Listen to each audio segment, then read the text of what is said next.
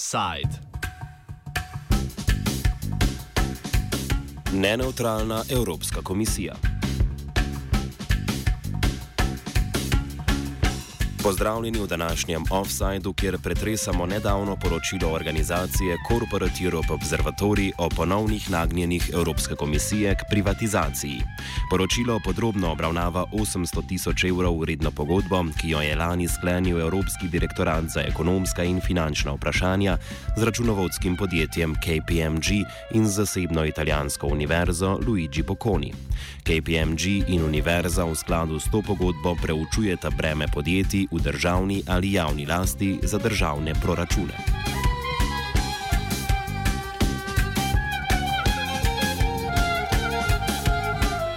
Evropska unija mora, sledeč pogodbi o delovanju Evropske unije, zauzemati neustralno stališče do lastništva podjetij v državah članicah. Kot navaja člen 345. pogodbe, pogodba v ničemer ne posega v lastninsko pravno ureditev v državah članicah. Evropska unija pa kljub temu z različnimi smernicami, priporočili in preiskavami državam članicam pogosto svetuje o prestrukturiranju državnih podjetij ali še bolj eufemistično rečeno o strukturnih reformah državnih podjetij. Takšne formulacije članice pogosto usmerjajo k privatizaciji. Vsebino pogodbe, ki sta jo sprejela Evropski direktorat za ekonomska in finančna vprašanja in podjetje KPMG v sodelovanju z italijansko univerzo, povzame raziskovalka Corporate Europe Observatory Vicky Ken. Accountancy firm KPMG, together with an Italian university, has been asked to study the operational and fiscal challenges which um, public companies place on the public purse. That, that means that um, KPMG and this university are looking at state owned firms, state owned enterprises across the 28 member states, but they're particularly um, looking at them from a financial performance perspective.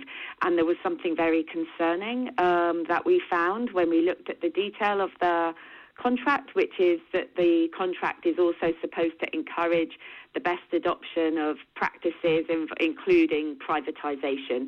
And that for us raises many alarm bells, particularly if we're talking about the privatisation of public services.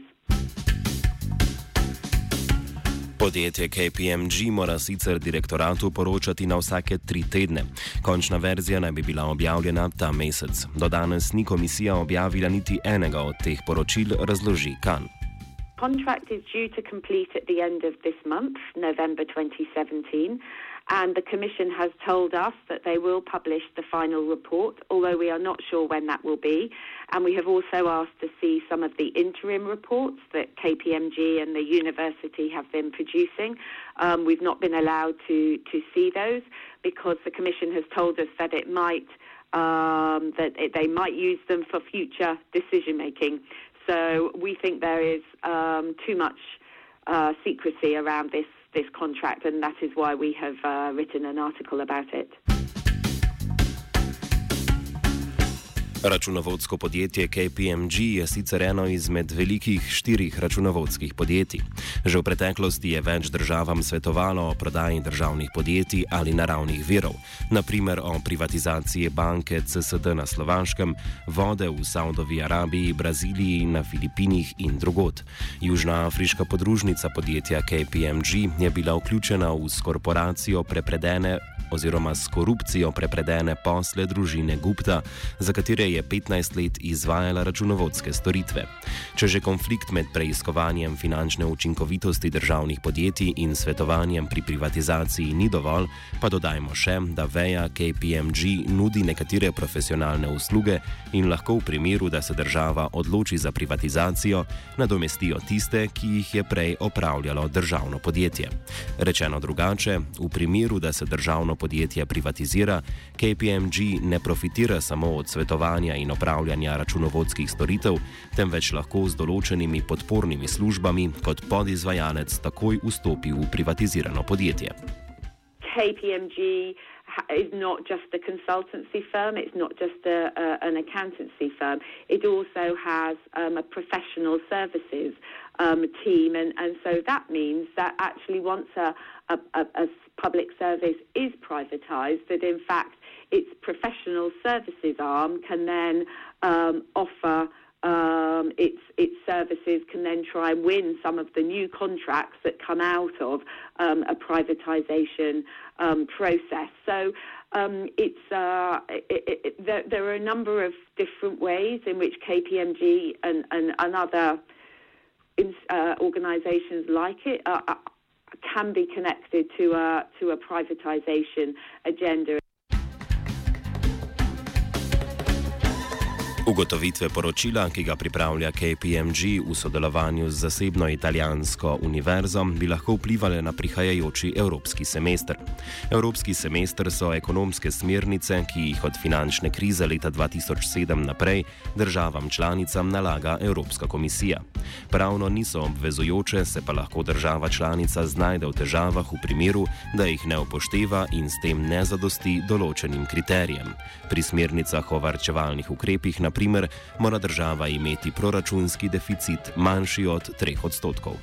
The European semester um, came out of um, the financial crisis of 2007, 2008, and, and, and onwards, and is part of um, the, um, the EU's response to that crisis. And um, they have set up a number of different processes, including this thing called the European semester, which um, in theory is about um, trying to um, ensure that um, European economies are more um, consistent and, and, coherent with each other. But in, in, in, practicalities, what it means is that every year, um, and uh, the, the Commission puts forward some recommendations for each member state that then the Council then approves and um, we they are called recommendations, although um, they um, they are a, a, bit tougher than um, than recommendations. Um, so for each member state, the EU institutions will then say, on your economy, we think you should do this, this, and this. And that is problematic because that has been one of the ways in which um, the EU institutions have promoted um, austerity policies um, towards um, EU member states, but also has pushed um, private, a privatisation agenda or a, a, a structural reform agenda. Leta 2015 in 2017 je Evropski semester petim državam članicam svetoval glede podjetij v državni lasti, kljub temu, da naj bi bila pozicija Evropske unije o lastninsko-pravni ureditvi držav članic neutralna. Sloveniji je komisija v obeh semestrih svetovala glede podjetij v državni lasti, prav tako pa že leta 2013, ravno v času, ko se je pri nas pripravljala privatizacija bank. Yes, well, in um, in 2017, in this year, there were um, those kinds of recommendations on state-owned enterprises for Cyprus, for um, Slovenia, for Portugal, for Italy, and for uh, um, for uh, Croatia, and in particular for Slovenia. In fact, um, we have checked um, the European semester recommendations for Slovenia going back to 2013. And in fact, um, in that time, 2013, 2014, um, there were um, these um, demands around the privatization of um, banks in Slovenia. And more recently, it has been more general. Um, the recommendation in 2017 talked about ensuring good governance of state owned enterprises. Now, that can sound quite um, neutral um, language, but sometimes an agenda around reform, good governance, um, structural reform, that kind of thing, that can um, that can be the beginning of the road towards privatization. Poleg evropskih semestrov so za privatizacijske težnje problematični tudi trgovinski sporazumi z bolj tržno-liberalnimi državami, kot so naprimer Kanada in Združene države Amerike.